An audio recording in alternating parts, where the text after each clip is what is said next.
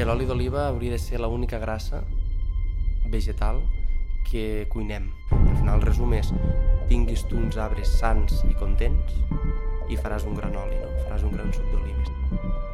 Per tant, ja no hem de veure aquests olis com un complement, sinó com un ingredient. Una ampolla costa 18 euros ara. I qui collons ho paga, això?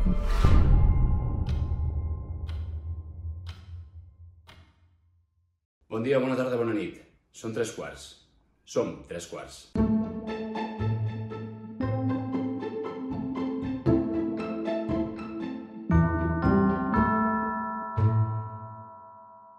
Marc Valls, com estàs?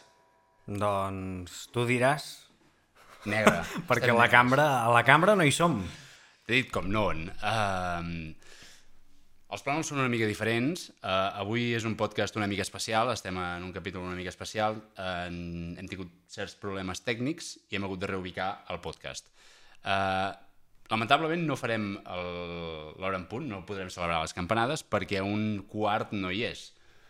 Però sí que som tres quarts. En aquest cas, Marc Valls, primer quart, estàs bé? Què tal, Jordi? Fantàstic. Reubicat? O sigui, Molt bé. Jo he flipat amb nosaltres mateixos, perquè corrobora el que ha passat avui, que, ojo, perquè tenim molt per mà això del fer un podcast. Capacitat de reacció. Uh, res, hem canviat l'escenari, venim de la Cambra de Comerç de Sabadell per problemes tècnics, per, en concret per una targeta de so que ens havíem deixat, doncs el nostre convidat l'hem hagut de trucar cagant llets, conforme bueno, ho havíem de reformular, ha cedit perquè és un crac, ara el coneixerem, i, i estem a, en concret a casa del Jordi, a Manresa. A Manresa, per tant, hem fet vàlida la nostra interconnexió de ciutats. Uh, avui no farem les campanades, com he dit, però sí que tenim el tercer quart amb nosaltres. Adrià Dalmau, com estàs? Bona tarda i moltes gràcies per invitar-me en aquest superpodcast. Estic molt bé i, i molt expectant, eh? Sí? Que Sí, sí, amb ganes? Bueno, al mig de l'autopista, trucada, senyor Marvalls, tenim un problema tècnic. Pensava que era la primera broma i que el podcast començava, he intentat interactuar, però dic, bueno, això va en sèrio, gira quan puguis, i bueno, he tingut el següent contratemps, no anava el contactless. Ah, He això, estat el 10 minuts peatge. parats al peatge. Peatge, Per tant, hòstia. per mi això ja ha començat una gran experiència, que espero que continuï. Perquè Aquí d'on venies, Adrià? Vinc d'Arbeca, de la capital Ah. de l'oli. Arbeca, Arbeca. Ara, ara entrem en aquest món. Um, què fem, Jordi? Doncs mira, per començar l'episodi d'avui, llançarem la pregunta del Marc. Som-hi. Adrià. Adrià Dalmau és empresari o emprenedor? Ara empresari, abans emprenedor. Què ha passat? Mm, concretament, et converteixes en emprenedor perquè tens una, bueno, tens una vocació o, o, et surt una oportunitat davant de crear un projecte o d'impulsar un projecte molt vinculat amb les emocions o amb l'origen. Jo el, el que em comença a plantejar doncs, certs dubtes de fer o no fer va ser uh, el primer de carrera, quan una persona em diu jo he estudiat dues carreres, estem en plena crisi econòmica, i una d'elles és econòmiques, i he vist que analitzant el mercat, l'únic sector que, que ha augmentat ha sigut eh, la venda d'oli de màxima qualitat, les exportacions.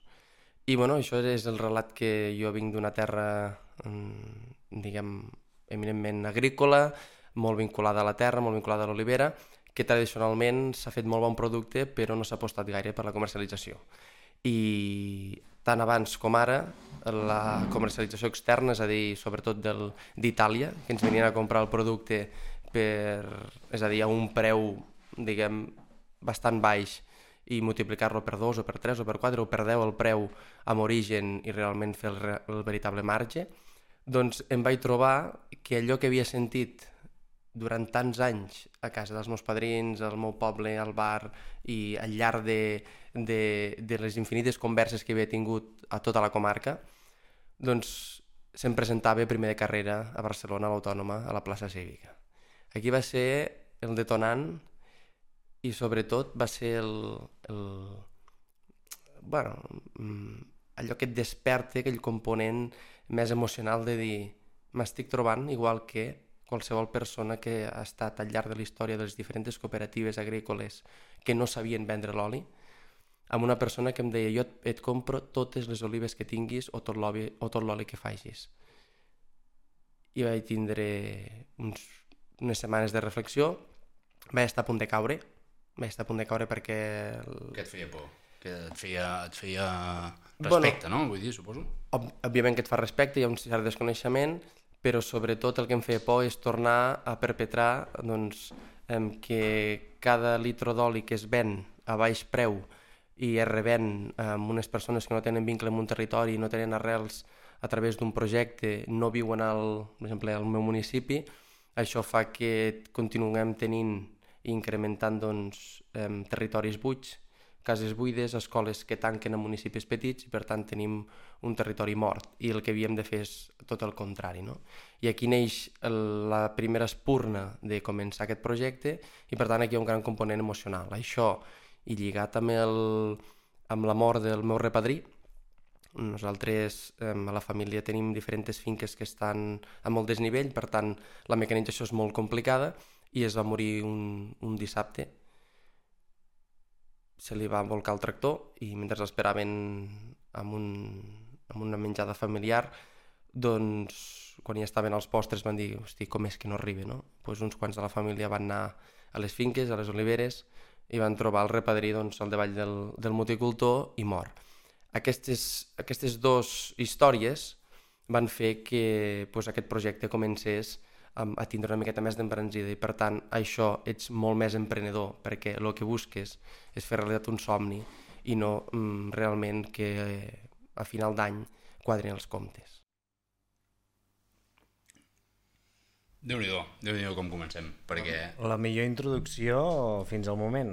Sí, sí, colpidora, vull dir, emocionant, emotiva, perquè se, se t'ha vist com realment que ho explicaves des del cor a part d'això, diguéssim, la vessant més econòmica, um, no la vas tenir en compte llavors, però uh, ara és del, del que vius, del que et dediques, o vull dir, com, com, com és la vida ara amb aquest Clar, negoci? Sí, perquè realment, aquesta és una pregunta que fem habitualment, però pel que has dit, ja la resposta ja ens l'has donat, que bàsicament vas decidir emprendre un projecte empresarial més per una vessant idealista, de dir, hòstia, és una de les maneres que tinc com per autorrealitzar-me i ser jo al 100%, que no tant per una vessant purament de, de business, de dir, vaig a fotre tots els calés que pugui.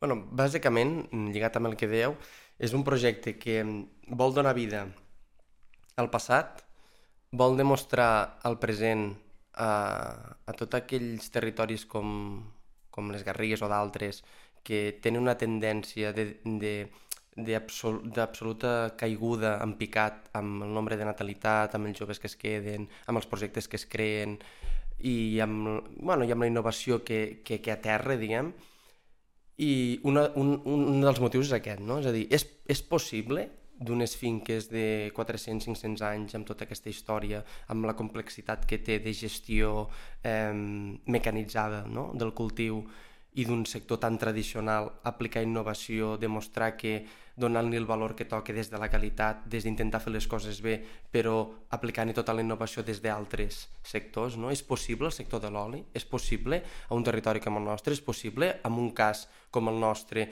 que les diferents generacions després del meu padrí no s'han dedicat a la, al cultiu de l'olivera i sobretot a la producció de l'oli. És més, com a anècdota, fins fa pocs anys la meva mare i les meves tietes no sabien arribar a les finques que realment eren dels seus pares dels seus padrins i que de petites ja anaven a jugar. Perquè estaven Aqu oblidades, no? Aquesta és la realitat de la desconnexió, de la dificultat en poder rendibilitzar aquestes finques o poder fer d'aquesta professió que és la pagesia o l'agricultura com una professió per poder viure, no? Doncs és, és aquesta doble vessant. I després n'hi ha una altra, Després hi ha un altre que és aquest, aquest amor pel territori, és a dir, no només anem a crear un projecte personal per donar-li vida al passat, no? perquè gràcies a això les finques es van recuperar, les finques tenen vida les fiquem en una ampolla que l'important és que es pugui vendre aquest, aquest, aquest oli perquè el projecte es pugui anar retroalimentant i per tant no ens trobem al cap d'uns anys que torni a quedar abandonades i si queden abandonades ja perdrem tot aquell llegat i tota la història però sobretot el present i més important el futur sinó que quan ja tenim tot això és vinga va, ara que ja hem pogut fer això que hem passat del, de l'intangible al tangible, que és al final fer una ampolla d'oli, fer una marca i tot el que implica, anem a fer el millor oli que puguem fer nosaltres. I aquí va vindre tot un procés no? de, de que a part del meu camí que jo havia emprès, que no tenia res a veure amb el món de l'olivicultura, amb el món del sommelier, amb el món de l'oli, amb el món de la gastronomia, vaig marxar per tornar, no? Dius, és important o no? Doncs pues crec que sí. Sobretot en un territori com és Catalunya, que fem les coses també molt bé, però fora de Catalunya també es fan les coses molt bé. Ja no només a, a, a, diguem, a territoris com, per exemple, el País Basc o d'altres territoris com Andalusia, sinó també eh, a Itàlia. I gràcies a l'Agència Catalana de Turisme vaig poder aprofitar de dos viatges de bueno, els benchmarks que es fan normalment i algun farm trip per intentar aprendre d'altres territoris, en aquest cas d'Itàlia, i no només de l'oli, que això és molt important. Jo crec que mm, al sector agroalimentari ens passa, però una de les coses que vaig fer a l'hora de crear el packaging, per exemple, és analitzar diferents referències, diferents imatges, diferents packagings del sector de l'oli, però sobretot fora del sector. No? I és una mica el que vaig intentar fer amb tot. Un, a parlar amb tota la gent del sector, com ho feu, per què ho feu, des del pagès, des del el productor més innovador, però també, per exemple, tinc al cap un, un, el benchmark que vam fer a Itàlia, a la Llombardia, que vam visitar una producció de, de bueno, un, un projecte que produïa llimons. Mm -hmm. Llimons davant del mar i tenia un projecte turístic, no? És a dir, com realment fas del producte una, una veritable experiència a l'hora de comprar, no? que és una mica el, el principal problema que veia, no? de no apostar prou per la comercialització i que et vingui d'altra gent que sí que realment ha fet una inversió en la comercialització, que t'agafi el producte al preu que ell vol i apliqui tota l'estratègia de comercialització i de màrqueting, de... I que li doni valor. I que li doni al- al valor. producte. és a dir, com li podem donar valor. I per la meva part el que vaig fer és anar a Madrid, estudiar, aprendre, entendre el producte, entendre el camp, entendre la natura, entendre tot l'ecosistema viu que té l'olivera i al final el resum és tinguis tu uns arbres sants i contents i faràs un gran oli, no? faràs un gran suc d'olives. I hasta una vegada vam entendre això, intentar buscar aquells enllaços, aquells vincles, aquells aliats des, de un, des del veí que és pagès del poble que té certa maquinària que el que fem és no, no comprar ni de nova, sinó el que fem és buscar sinergies per amortitzar-la i sobretot intentar aliar-te d'aquell que és millor que tu, no? I això és el que hem anat fent al llarg de tot el projecte i sobretot doncs, mirat una mica en perspectiva, que ja portem més de sis anys, crec que és un exemple clar de, de tots aquests conceptes que van més enllà de produir oli. No? Al final, produir oli no és complicat, produir un bon oli no és fàcil, però fer un projecte amb ànima autèntic que dinamitzi i aporti valor no només a casa seva, no només a la seva marca, sinó a part del territori i fora d'aquí, doncs crec que és el que dona sentit al, Clar, al, de a bolcar. 9 segons.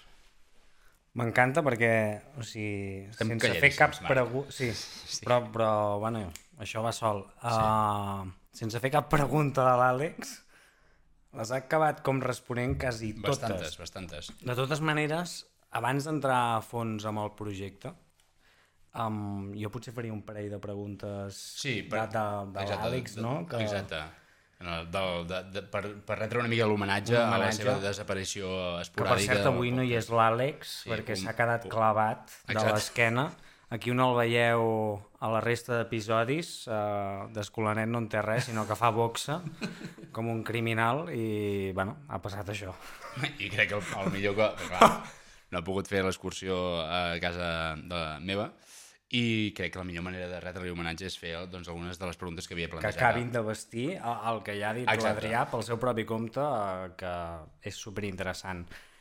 Um, què hi ha Arbeca? Pregunta de l'Àlex, eh? Que mai no podries haver pres a Barcelona.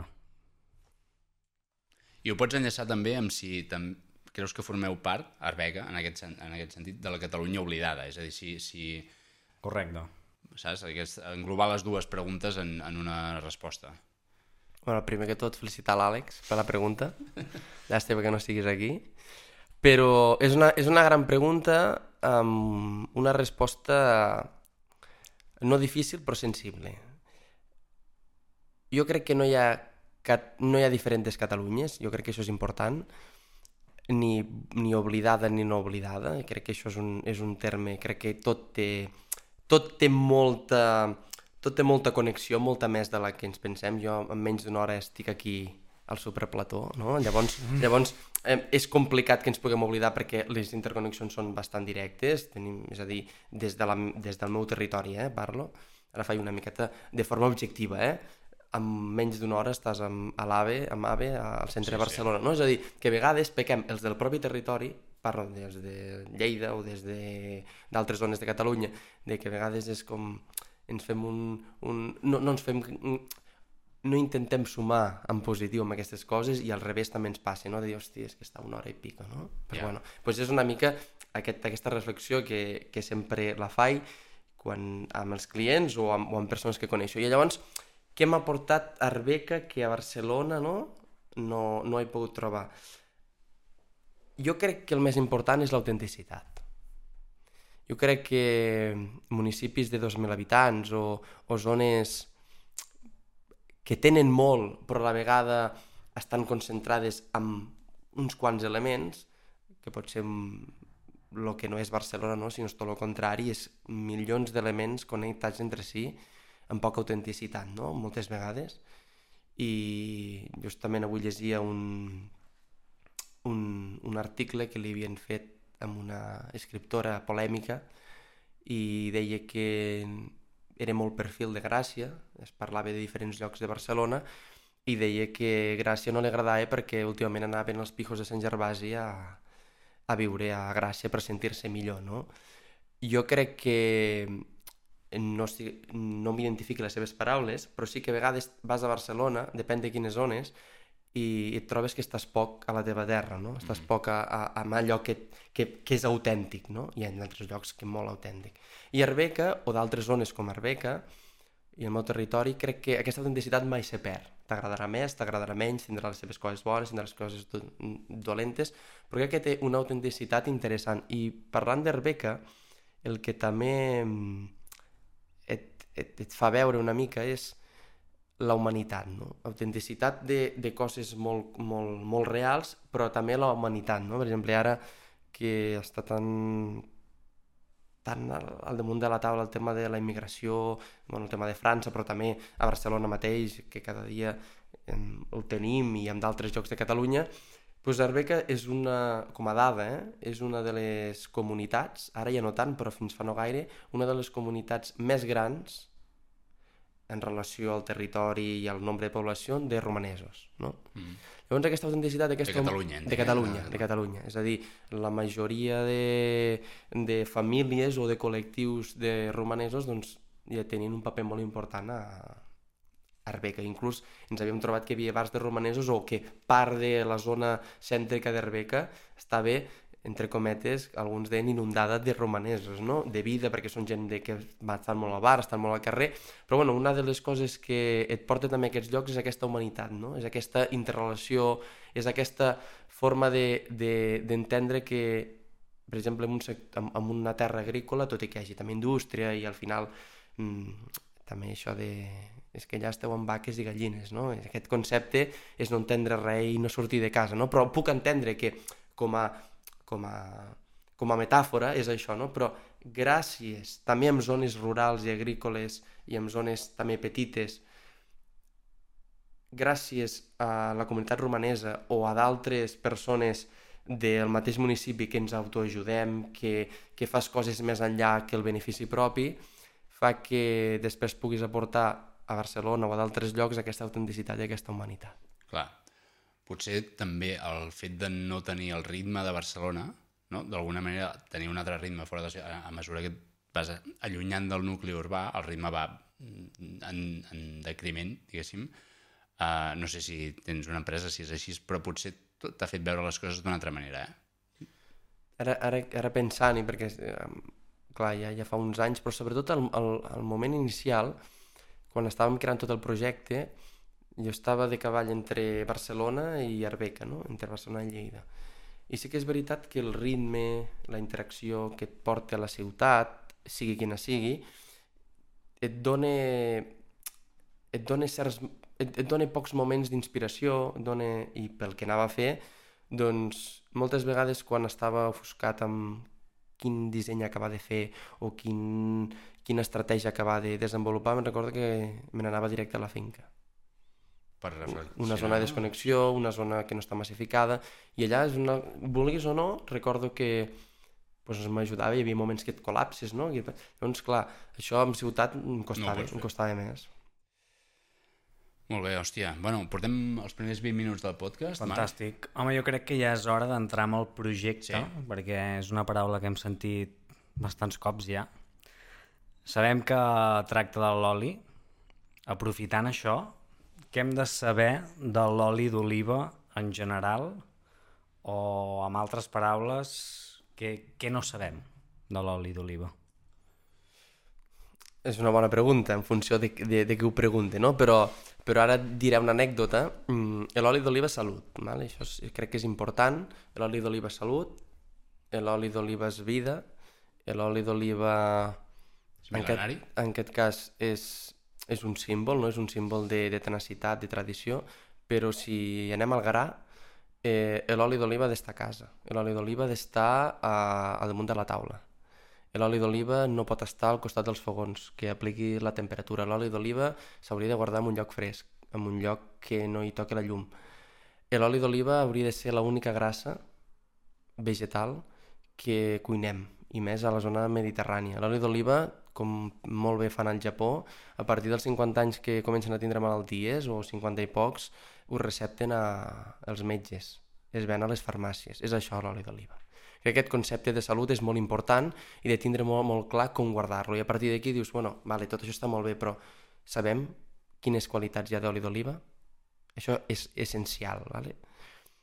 Hi ha tres qualitats, tres categories comercials, que són l'oli d'oliva verge extra, que és el, més, és el de més qualitat, el verge, que és, és aquell oli que té algun defecte, ja sigui la qualitat del, del fruit o d'altres, i després hi ha l'oli refinat, que és aquell oli que, que inicialment no era apte pel consum humà i arran d'un procés químic de, bueno, al final el que acaben fent és um, convertir un oli sense color, sense olor i sense sabor per aplicar-lo un, un petit percentatge d'oli de qualitat i vendre'l com l'oli d'oliva suau o l'oli d'oliva intens. Hem de saber que aquest oli, que és un dels més venuts dels supermercats, que la diferència de preu amb l'oli de qualitat, que és el verge extra, és poquíssim, eh, ha hagut de passar un procés químic, aplicant-li temperatura, ficant-hi diferents productes químics i d'altres, que té un punt de fum, és a dir, quan tu l'apliques a, aquest, a aquest, aquest oli, l'apliques a, a la cuina, l'apliques en una paella, quan portaràs un ou ferrat ja l'hauràs de canviar. És a dir, aquest oli, eh, la durabilitat que té és molt menor amb un oli de qualitat. Per tant, si anem a fer... Dius, és que el, el que estic sentint ara no m'ho crec. Fiques tres paelles amb els tres olis de les tres categories, de les tres qualitats. Tu comences a fer ous ferrats i te n'adonaràs que amb l'oli de menys qualitat l'hauràs de reomplir moltes vegades. Amb el, amb, amb el verge, que és la qualitat del mig, l'hauràs de reomplir unes quantes vegades i amb l'oli de més qualitat te durarà molt més.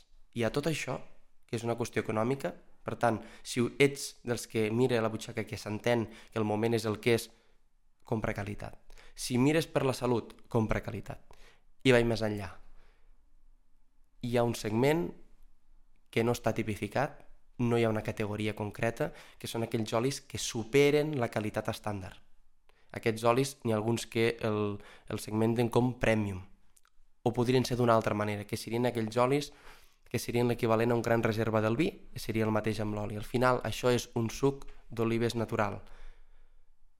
Això, uns, els, el que seria eh, aquests olis premiums, que són intensos, que tenen aroma, que normalment venen de projectes molt autèntics, que venen amb una, amb una ànima al darrere molt forta, acostumen a ser olis de taula. Aquests olis que tenen aquesta, Caràcter, aquest, aquest caràcter, aquesta personalitat, aquesta, bueno, tot, tot, tota aquesta essència tan, tan complicada de crear però que una vegada la tens l'has de preservar són olis que no l'has d'aplicar a temperatura. Els olis d'oliva premium, el millor és tindre'ls a la taula, són olis de taula, són olis gastronòmics, que et canvien realment el plat. Per tant, ja no hem de veure aquests olis com un complement, sinó com un ingredient. Això seria, per mi, el més important que hauria de saber qualsevol català i catalana i qualsevol persona del món amb l'oli d'oliva verge extra. Oli d'oliva verge ha de ser extra o hi ha els dos? Hi ha l'oli d'oliva verge extra, que és el de més qualitat. Si té algun defecte, però no molts, és a dir, si té un petit defecte, es cataloga com oli d'oliva verge, només verge, i si ja no és apte pel consum humà i necessita el procediment de refinació, se diu oli d'oliva refinat. Aquí vindria no, també la reflexió de refinat, el nostre vocabulari és una cosa molt ben feta, és una cosa que segurament Premium, no? és premium, Mhm. i veiem aquí qui realment controla el mercat, qui realment té el monopoli del sector, que és la quantitat i no la qualitat. No? I, I que tu puguis ficar en una categoria, a la categoria comercial de menys qualitat, que passi un procediment químic oli refinat, això també ens demostra no? que hem de fer un gran esforç per la comercialització, per la comunicació, per la qualitat. Jo uh, et vull fer una pregunta per fer-li una liu pel Marc, amb una que tenia plantejada. Um, això dius l'oli depèn de que hi ha aquestes tres categories. Olis per fregir, entenc eh? Olis més de taula, de sobretaula. Uh, això també depèn del tipus de varietat d'oliva, o sigui, del tipus d'oliva, o pots aconseguir els tres tipus de qualitat amb qualsevol varietat d'oliva? En general, la varietat d'oliva eh, no hi influeix. El que és important, el que és, important és eh, la qualitat del fruit. Al el- l'oli és com fer un suc de, de fruita natural. Si tu tens unes bones taronges, et sortirà un bon, un bon suc. Això és així. El que necessitem és tindre una bona oliva, sigui de la varietat que sigui. Cada varietat no podem obviar que té un perfil diferent. Això és com el vi. El chardonnay té un perfil, la carinyana en té un altre, i això és exactament el mateix. Això, la, la reflexió dels olis premium seria tu un vi en gran reserva el ficaries a fer xup-xup amb una, amb una paella? No, això només ho fan els alemanys i els francesos amb el Glühwein i és una, una catàstrofe natural. Si tu econòmicament ho vols fer, fes-ho, però és que al final hi ha un, una, bueno, un, una necessitat de protegir, diguem, la qualitat, no? I protegir la qualitat de dir, durant tot un any, que és el que costa, no? Tot el procés d'elaboració de l'oli, amb el que costa crear, doncs, olis amb aquesta personalitat, tan gastronòmics, tan aromàtics, amb les dificultats que hi ha, climàtiques, de terroir, amb l'aigua, etc etc. Una vegada has creat, diguem, aquest monstre positiu, aquest monstre gastronòmic, no li pots aplicar temperatura. A la que li apliques temperatura, per aro perds aromes i per sabor. Per part de la feina que és... Bueno, Exacte. la feina. Aquesta és la liup de, del Jordi. Um, com sou tan putos amos, Arbeca, que teniu una oliva pròpia? Bueno, això es un- també és una llegenda, havia el duc de, de Medinaceli, per tant ens l'hem de creure, però bueno, sí, hi ha, hi ha bastantes evidències que bueno, el duc de Medinaceli, que tenia un castell Arbeca, era, era fan també... Bueno, és a dir, tenia certa cert desig de tindre doncs, eh, oliveres i les oliveres al seu moment no estaven catalogades en cap nom. Se diu que va vindre eh, un plançó d'olivera de Palestina. N'hi ha que diuen que també ve d'un altre lloc i tal, però bueno, al final és que eh, l'arbequina sense tindre nom, gràcies al duc de Medinaceli, l'introdueix a Arbeca, és a dir, al seu voltant, a les seves terres, mm, prometent als, als seus súbdits, per tant als arbequins i arbequines, que mm, si plantaven una olivera els hi donaria un ral de bilió. No?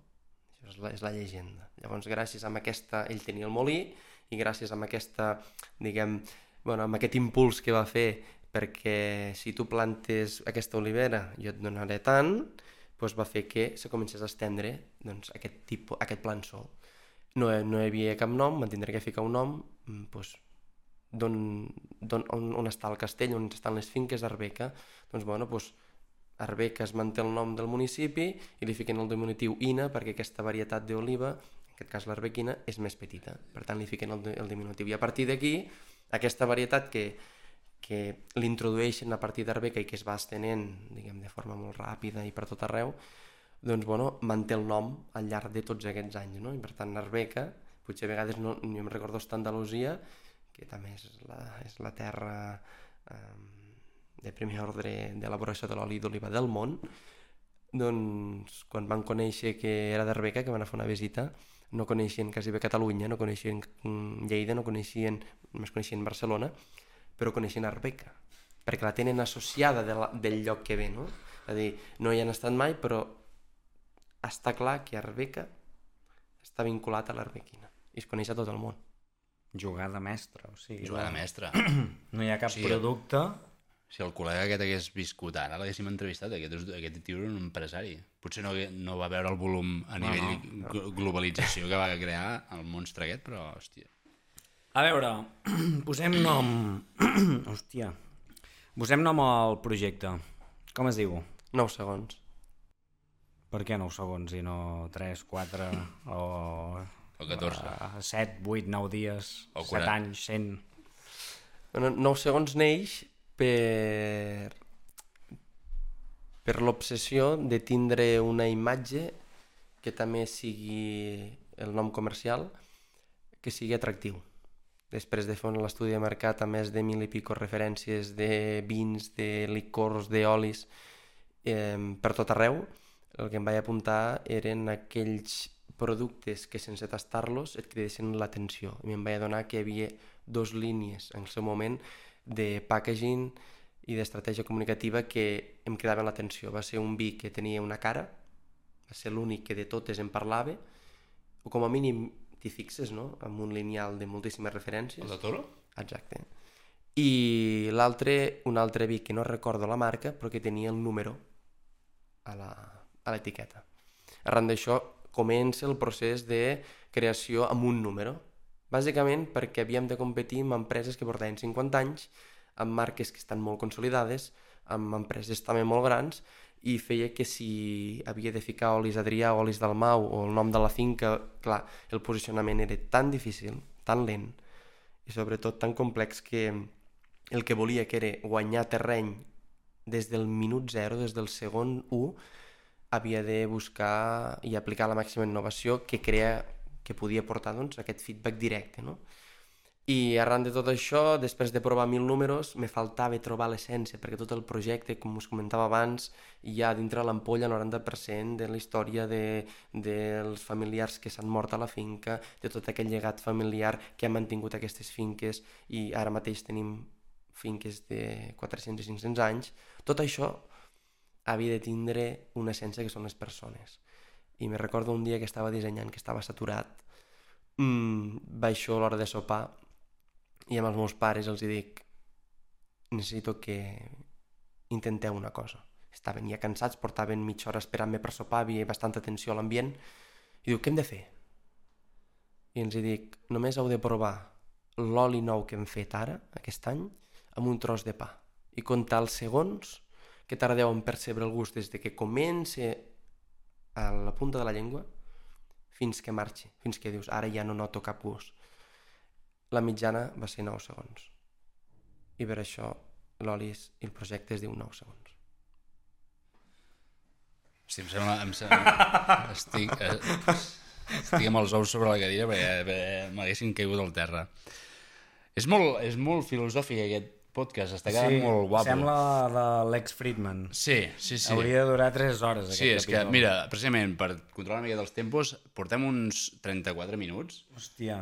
Uh, Bueno, és som-hi, que seguim, això, seguim. Això ho veuràs. Uh, ens diem tres quarts, Ens diem dura tres quarts, correcte. i passen com tre, tres quarts de minut. O sigui, va rapidíssim això. Som-hi. Volem saber moltes coses. Exacte. Uh, model de negoci, o sigui, 9 segons, producte, un oli, quin és el model de negoci? 9 segons neix per crear el millor producte i a través de diguem d'un oli de molta qualitat, vale? intentar de menys és més, no? és de màxima qualitat a un format petit, a un, amb una idea de negoci d'intentar anar al consumidor final, d'intentar eh, traspassar fronteres a l'exportació i després de fer missions comercials a Japó, vaig estar a Brasil, de conèixer una mica el territori i també d'adonar-te, no? de, de fer aquesta mm, reflexió interna, te n'acabes adonant que el millor producte s'ha de vendre al territori i hem de fer esforços per vendre el territori. Sí que és veritat que el model de negoci està enfocat molt al client final, a botigues especialitzades i a alta restauració.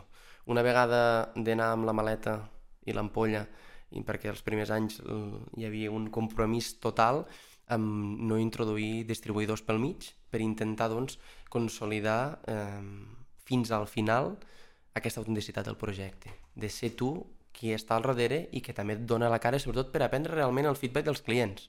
Jo em recordo a les botigues feia seguiments continuats què diu els clients, els agrada, no els agrada, inclús els, els propietaris de les botigues o dels, o dels clients que nosaltres teníem, els invitàvem també a les finques perquè coneguessin el projecte, inclús sobretot en època de collita, perquè se sentissin part del projecte, però sobretot per obrir portes, per ser transparents, per no enganyar, per demostrar realment el que som. I allò que t'estic venent un dia amb una taula o amb una botiga o amb un restaurant a Barcelona o a qualsevol lloc del món és veritat.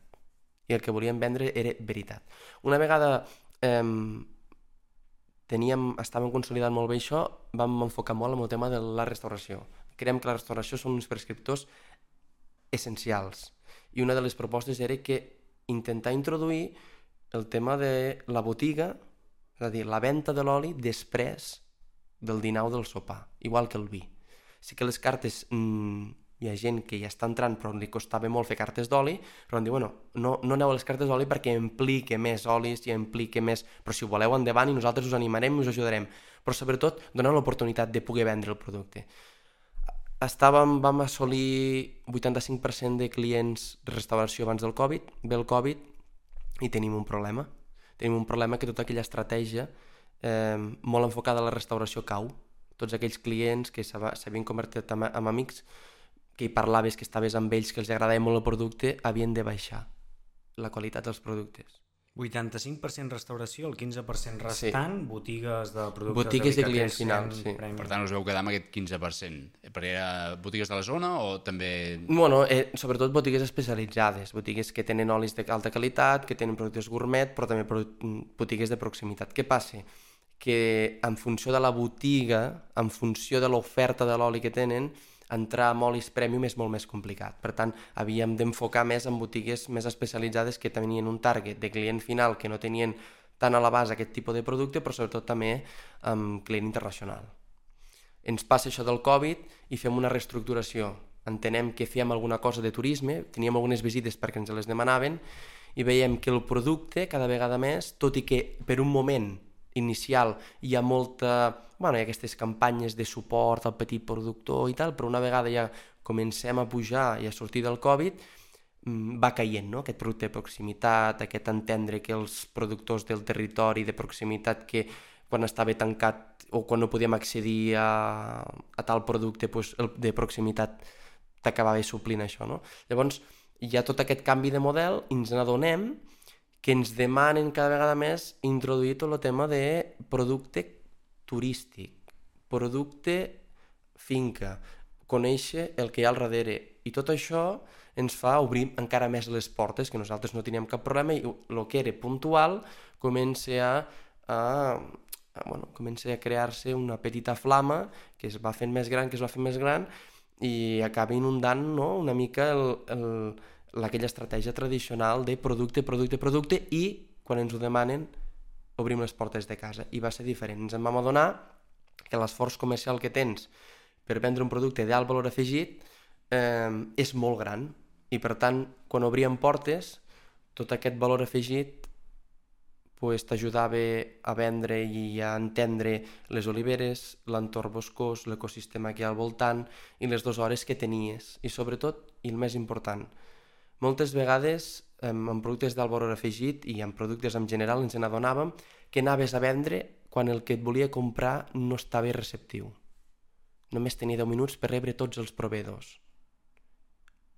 I potser aquella nit has dormit malament o el fill no t'ha fet els deures. Què passa? Quan tu hi vas, tens molts pocs segons per, de, per aportar molt, molt valor i molt coneixement d'aquell projecte que va més enllà que un oli normal o que un altre producte, i ens n'adonem que quan aquest mateix client ens ve a la finca, coneix el que fem, una visita guiada amb calma, inclús ve amb la família o ve amb uns amics, fem una cata d'oli tranquil·la, entén el producte, entén el projecte, no només ens compra el producte, sinó que també ens paga l'experiència i és un client bastant fidel. I escolta.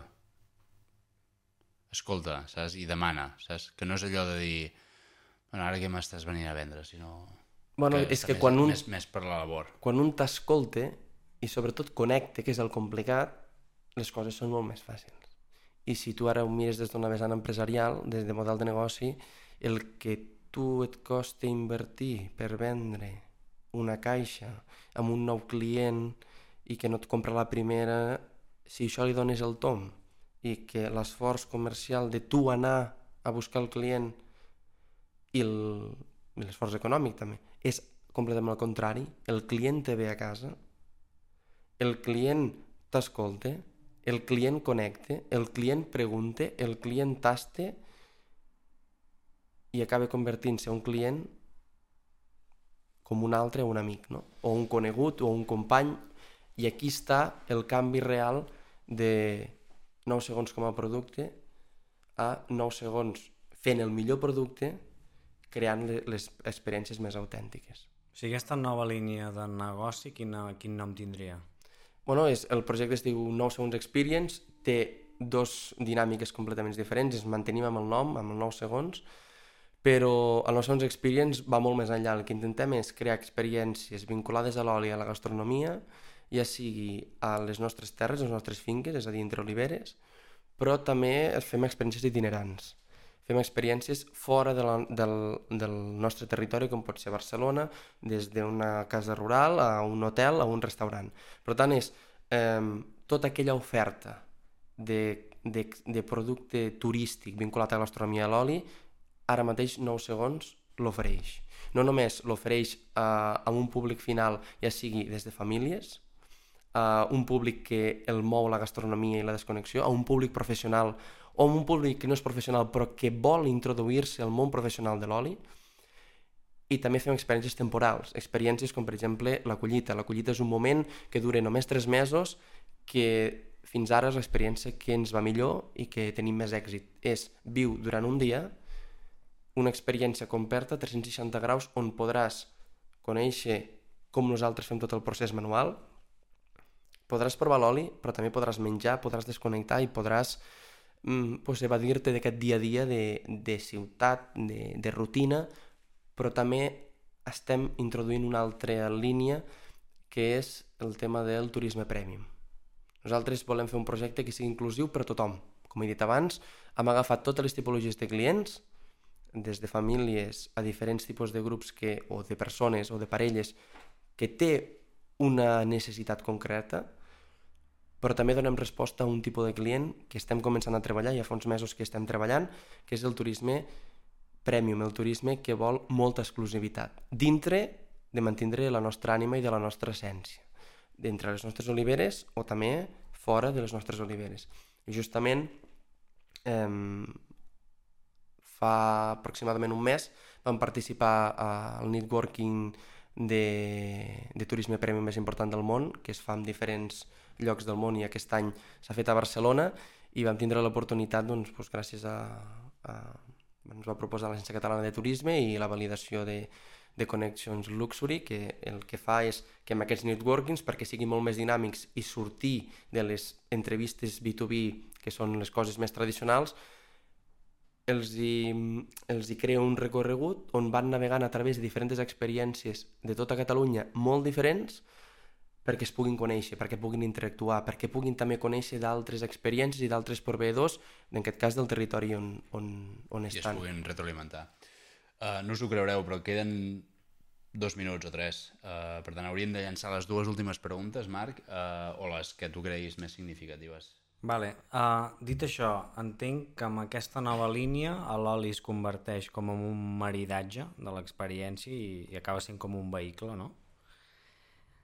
Um, qui- quin percentatge de facturació suposa aquesta nova línia de negoci respecte al propi producte com a tal, que és l'origen del projecte? És a dir, aquesta implicació total a creació com a un projecte amb, amb, diguem, de veritat ha sigut aquest any, bueno, finals de l'any passat fins ara. Ara mateix podríem estar al 50%, Vale. però crec que anirà més. I perquè la gent s'acabi de situar a nivell del projecte, de, de, de la magnitud, um, dona'ns quatre pinzellades d'estructura, una estructura vull dir empleats, uh, seus, uh, seu entenc, um, facturació... Bueno, el, el projecte és un projecte familiar, mm. vale? té aquesta essència de, dels, que, de, dels que van acabar creant el nom, no? és aquesta, aquesta essència. És un projecte familiar de, de tres persones i el que fem és nosaltres subcontractem doncs, aquells, aquell, aquells elements que, que necessitem, no? És a dir, nosaltres portem tota la gestió de finca, però hi ha certes, hi ha certes feines concretes doncs, que el, el veí del tros, doncs, que és un, és un gran coneixedor del, del sector i tal, arran de, de, de, de la relació que hem mantingut, no, doncs nosaltres li diem com volem que ens creï, com volem que faci, com volem que gestioni, ell ho aplica. També tenim un conveni de col·laboració amb, amb un molí d'oli, vale? nosaltres no tenim el molí, sinó que hi ha un molí que ja fa molts anys, que a més tenen una bodega i fan grans vins i tal, per tant són millors que nosaltres i apliquen aquells protocols que nosaltres tenim i per tant tracten molt bé el producte que nosaltres volem, per tant això és el que tenim però en el fons entre això, més que en temporada de collita també tenim tres o quatre persones més que ens ajuden, doncs, bueno, ja ho veus, és un projecte familiar però que en moments puntuals necessites no, de certes interaccions. Sí, sí, l'altre dia teníem a, en Jan Molina, CEO d'Aranau, i tiraven de 200 proveïdors de, del Vallès per fer les màquines que fan. Vull dir que ja és bueno, això. De, de producció com va fluctuant cada any en relació amb total de, de litres d'oli perquè les coses van i venen en funció de si no té la qualitat que toca nosaltres no produïm eh, més o menys però més o menys anem entre 3 i 4.000 ampolles al, a l'any, nosaltres en fem produccions anuals, i la facturació més o menys estem inferiors a un milió d'euros. Uh -huh. Seria... Anuals. Anuals. Val. Um, i, I lligat amb això, quan costa una ampolla de 9 segons? Més que una ampolla al litre. Quan costa? Eh, una ampolla costa 18 euros ara mateix. I el litre? I el litre, doncs... Quan, quan, quan aquesta, aquesta ampolla, quina quantitat té? Aquesta ampolla té 250 mil·lilitres. Vale. I qui collons ho paga, això? Pues, gent que ha conegut el projecte, gent que ha entès tot l'esforç que hi ha, gent que li agrada molt el producte per qualitat, gent que li agrada el packaging, que és capaç de comprar-lo i no menjar-se'l, això també ens, ens hem trobat, el guarden al costat del cardú, que el trobes al cap d'un any o dos i dius, què tal l'oli? I dius, bueno, l'hem de trobar l'ocasió especial. I fins quan durarà aquesta ocasió especial? Que no veus que ens fotrem tot de gana. Però bueno, eh, al final, si tu t'ho vares a pensar, 18 euros amb una ampolla de 250 mil·lilitres, segurament te durarà un mes, un mes i mig, depèn de la quantitat d'oli que et mengis, com que és un oli de gran qualitat i amb gran intensitat, amb una mica ja, ja realment et realçarà el plat i és un ingredient i un condiment.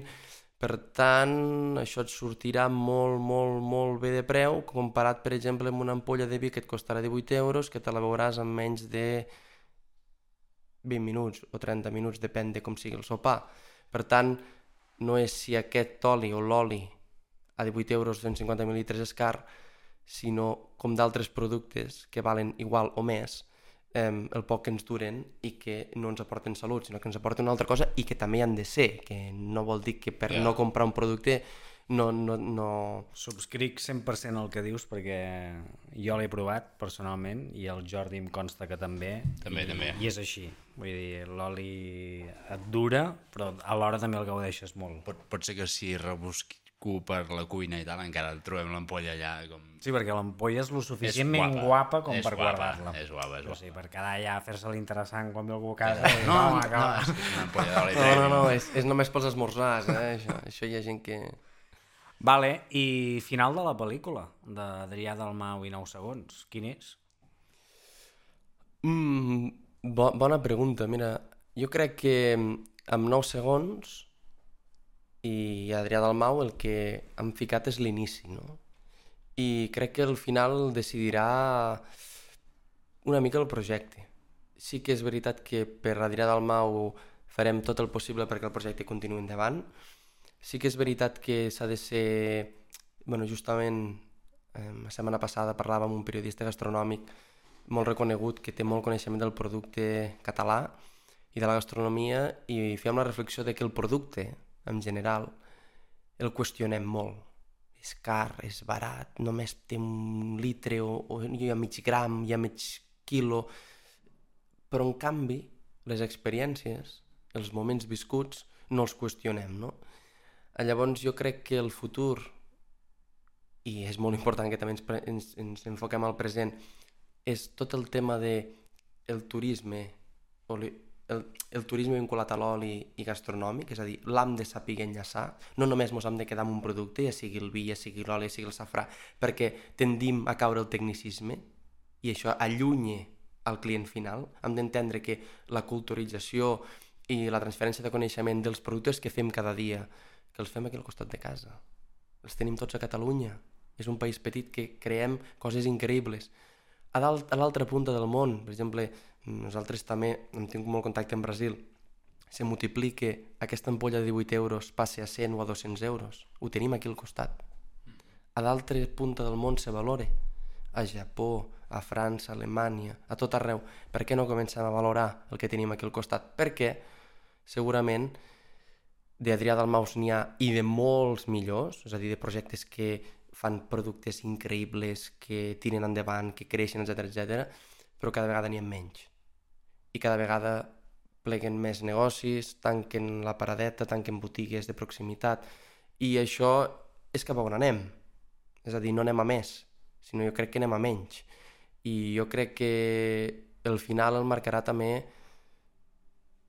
com a societat ens replantegem les coses. Si realment tornem cap a l'origen, si realment continuem amb aquesta desconnectar per connectar, que és fer aquestes experiències de valorar, de, de buscar l'autenticitat, o ens centrem només a, a mirar endavant i, i només per nosaltres. Adrià Dalmau, un plaer, 9 segons. Quina dissertació filosòfica que ens has fotut. El puto amo d'Arbeca, de, de, de Ponent i de tot Catalunya ha passat per aquí, per casa meva, un plaer enorme. Sens dubte. Uh, encantats de que ens hagis compartit tota l'experiència, vivència i superprofunda l'explicació que ens has donat moltes gràcies.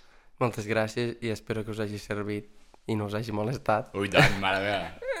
us, us porto un regal, eh? Ah, sí? Ojo. Hòstia. Hòstia, tu. Això, això no ho sabíem, tio. no, no passa res, eh? I aquest regal... Això perquè ja És volia públic? mostrar càmera, saps? Ah, ah, vull dir que hem acabat, no, eh? O no? Bueno, no té per què, no? No té per què, ja ens hem Què és el regal? Ens hem patat tot el temps. Digue-ho, vull dir digue-ho, que- endavant. El regal no us ensenyo la marca, però us deixo un oli perquè el proveu quan hi hagi Aleix o Àlex. L'Àlex. L'Àlex, quan estigui bé. Sí. Heu de provar aquest oli. Se'l foti a l'esquena. Aquest oli és... Eh, si, significa... bueno, podria resumir bastant el que, hem vist, el, el que hem parlat avui sobre què és l'oli, com tractem certs productes de proximitat i com a vegades la innovació, eh, que és important que hi sigui, en aquest cas amb l'oli és molt, i aquest és un oli molt innovador, però que a la vegada és la metàfora de que la millor innovació no? és la màxima senzillesa, no? i en aquest cas és el que és 9 segons, és fer, bàsicament, intentar portar les finques amb els menys productes químics, és a dir, de la forma més natural possible, mantindre tot aquell passat i tot aquell, eh, tot aquell saber fer, ficar-lo en una ampolla que ja feia en el seu temps i l'únic que fem és ficar-li un packaging bonic i explicar realment les coses bé, no? amb més passió o no. I això crec que és, el, és la metàfora. I no fico la marca perquè no cal, perquè el qui ho ha fet ho ha fet amb molt, bon, ho ha fet amb molt bona intenció, però ho han de fer gent que venen d'un món que no és de l'oli, sinó des de la gastronomia. No, algú de la gastronomia que ha fet això. I crec que aquest oli l'heu de provar, no l'obriu i us graveu a veure El provarem sense, Què sense sentiu? veure la marca comercial Exacte. i això donarà pas, com que ens hem passat el temps més tot igual, perquè això és com una espècie de falca o, o annex o apèndix del, del Crec del que podcast. puc saber qui és. pots saber Però qui és, però no. jo crec que et donarà pas a una cosa que volies... que, que, crec que... eh, No, uh, què t'anava a dir? Que et donarà pas a una cosa que volies dir avui sobre el, el, les marques i la comercialització Ah, i tot correcte. això. Sí. Bueno, Si us heu fixat, no sé, bueno, aprofitant la entesa i donant gràcies de nou a, a, a l'Adrià, eh, ens ha fotut una falca que no podem desaprofitar.